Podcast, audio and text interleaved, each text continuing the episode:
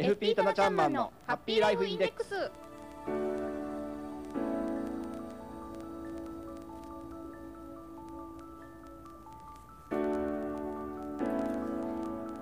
FP タナちゃんマンのハッピーライフインデックス。この時間はあなたの夢と未来をトータルサポートするライフサポート有限会社の提供でお送りします。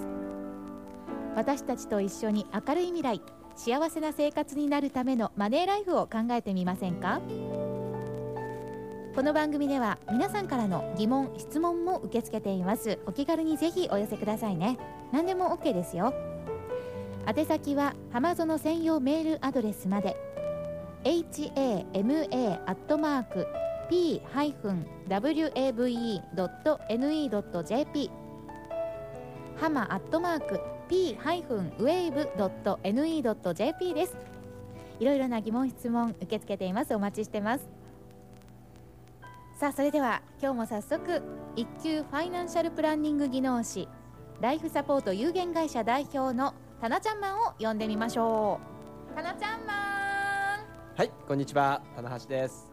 今日もよろしくお願いしますお願いいたします。今日はねあのスタジオ内にテーブルの上に梅の花が咲き誇ってましてねねえ梅の花越しになんかタナちゃんマンこう、はい綺麗な梅ですね。てて白い梅とピンクの梅がね、はい、綺麗にさそうれてますけれども。よはい花が似合いますねあ、そうですか。はいありがとうございます。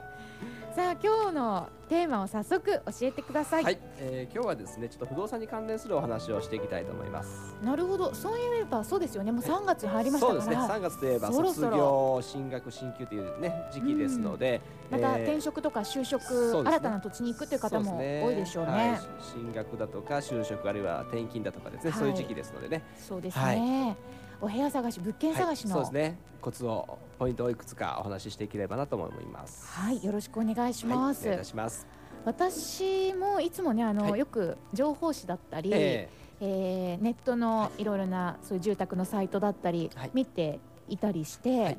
い、ろいろねどれがこう本当にお得になるんだろうとか、はい。どういう基準で選んだらいいんだろうってね。分かりかねているんですけれども、はい、そうですね、まあ、基準というとねやっぱり人それぞれだと思いますのでねどこをポイントに置いて、えーは探すのかというところですね、まあ、うん。駅に近い物件がいいわって言われる方もいらっしゃれば、あー交通機関よりも買い物施設をね、うんうん。重視される方もいらっしゃいますでしょうしファミリーの方ですとねね子どもさんの学様校のね、うん。えー近くだとかそういったものも考慮にしていく必要があるのかなとは思いますけれどもね。なるほど、はい。例えば今駅から徒歩何分はい。っていうのを考慮っていうのもありましたけども、あの徒歩何分っていうのはどういう基準はい、よくなんでしょうか、そうですね。よく質問受ける質問なんですけれどもこれって本当にこの時間で歩けるの？っていうような質問が多いんですよね。はいはい、えであれ実はあれですね、あのー法律で決まってましてですね、はい。80メートルを1分と換算して表示しなさいっていう決まりになってるんですね。で、えーただし、はい。えー測るの実際に道を測ってですね、えー道を歩いて測るっていうのは困難ですので、はい。えー地図上で道のりであの直線距離ではないですよね。あのきちんと道のりでは測ってはいるんですけれども地図上で測っていいですよっていうことになってます。ですので、信号の待ち時間だとか坂道急な、ね、坂道があるとか いうのは一切考慮されてないですね。ただ単に道のりの距離で80メートルを1分として表示をしております。なるほど、はい。そうですよね。信号踏切とか、はい。い、ろいろなこう歩いてると条件ってありますからそうですね、はい、その表示されている時間よりも、はい。まあ、多少はそうですね、まあ、信号待ちがあったりとかするとねかかってしまう場合もありますよね。そうですよね。はい。はいわかりました。でも、一応道のりでちゃんと計算をはい。法律に基づいてされているんですね、はい。はい。はい、えーあとはねなんか気になっているポイントというかすごはいく初歩的な疑問かもしれないんですけれども、はい。よくあのー敷金礼金だとか、家賃以外に最初に払うお金があるでそうですね。敷金だとか礼金あるいは、はい。あー保証金だとか、はい。ね、ありますよね。はい。その辺がどういうこう分類になっているのかなっていうのなるほもどですね。はい。あのー最近ですとね、あの敷金礼金必要ありませんっていうはい。物件も出てきておりますし、増えてますよね。はい。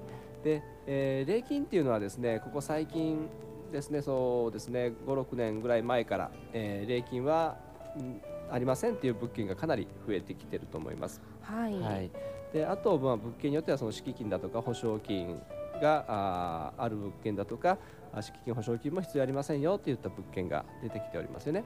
はい、はい。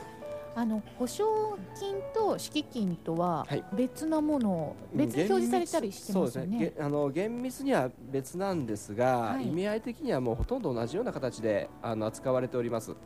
うん。はい、で、えー入居するときに、えー多いのが、まあ、3 2か月分あるいはあの家賃の、ね、2か月分だとか3か月分を敷金あるいは保証金として、えー初めに、ね、入居する前にあのお支払いをして、えー退去をするときですね、えー契約を解除して退去をするときに、えーまあ現況復旧という形でね、はい。必要なお金自分がえーお部屋を汚しちゃった壁紙そうですね。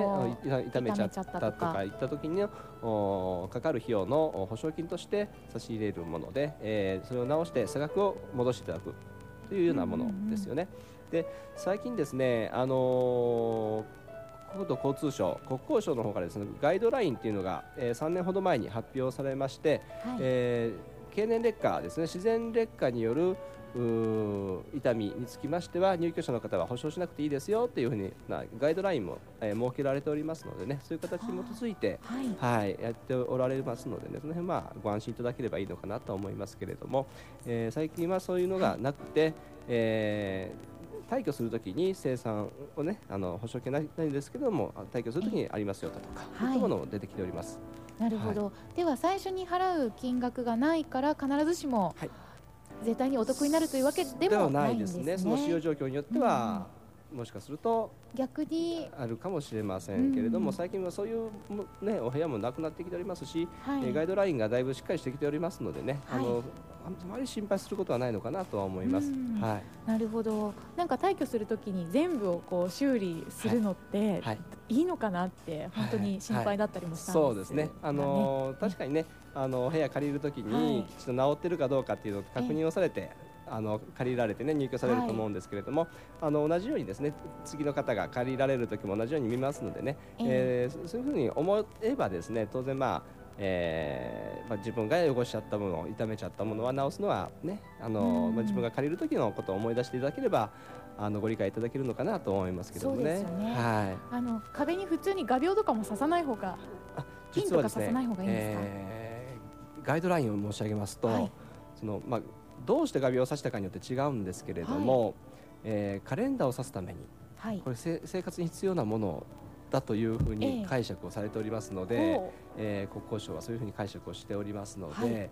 基本的には直さなくていいんですね。うそうなんですか、はい。でもカレンダーを刺すためだかけるためだったのか、自分のこう趣味の、ね趣味のポスターを貼るためだったのかっていうのはちょっと 自己申告になねるはい、ですよね。非常にまあ判断しづらいところですけど、まあ、あまり穴が多いようだとうんうんで使い方がちょっとどうなのかなっていうところもありうん、ますよね。えーそこの判断は、ね、非常に難しいところだと思うんですけれども、まあ、画鋲の穴はあの生活の上で必要なものというふうには判断はされております。ああそうなんですね、ちょっとそれもなんか気になってははいいたんですけれども、そうですね。はい。常識の範囲内ならそうですね、はい、直さなくてもいいんじゃないか、はというお話なんですね。はい、わかりました。あとはあの契約期間が例えば2年とかはい。1年とか、はい。お部屋賃貸だとあると思うんですけれども、それによってもこの敷金礼金だとかそういうののこう料金の何ヶ月分とかって結構どういうふうに選んだらいいとかあるんでしょうかね。えーまあ、敷金、礼金の金額、あるいはその何ヶ月分っていうのは、ですねそはい。の地域地域の慣習だとか、ですねあの習慣によって決められているところも多いんですね、昔からこう、なふうにこの辺ではやられてますよっていうようなところが非常に多くて、ですね不動産取引っていうのは、ですねそのはい地域の慣習だとか、そういうのもあの勘案されておりますので、はい、えーそれをその、うん、借りられる期間によって、えー多かったり少なかったりというのはあまりないですね。ただ、うんその例えばその本当に数ヶ月間のですね期間の短い間の契約の場合は、ある程度その大家さんの方でね考慮していただけるというケースはありますね。うんはい。なるほど、はい。ではその他はね本当にもう個人の方の。何をはい。一番重視するか、かですね。でということ。あのーまず一番大事なことはですね、はい。まあ、このお部屋いいなって思われたお部屋があった場合ですね当然、えー、その日にちによって、えー、様子が違いますのでね周辺環境の様子というんですかね環境の様子が違いますので、はい、例えば週末と平日では、うんうん、あの感じ方も違いますし、ね、時間帯でも。そうですね。時間帯でも違いますので、はい、いいところが見つかったらまず時間帯を変えて見に行く。そして、はい、えー、曜日も変えて見に行くということは大事かなと思いますね。なるほど、はい、足を何度か運んで現場を見ることが大事ですね。そうですね。はい。わかりました。今日は不動産物件探しのポイントを教えていただきました、はい、さあえー、ぜひねライフサポート有限会社にもご相談いただければと思います。四日市市生桑町にあります。FP タナちゃんマンのハッピーライフインデックス。この時間はあなたの夢と未来をトータルサポートするライフサポート有限会社の提供で浜園サテライトスタジオよりお送りしました。それではまた来週この時間にお会いしましょう、はい、お願いします。ありがとうございました、はい、失礼いたします。バイバイ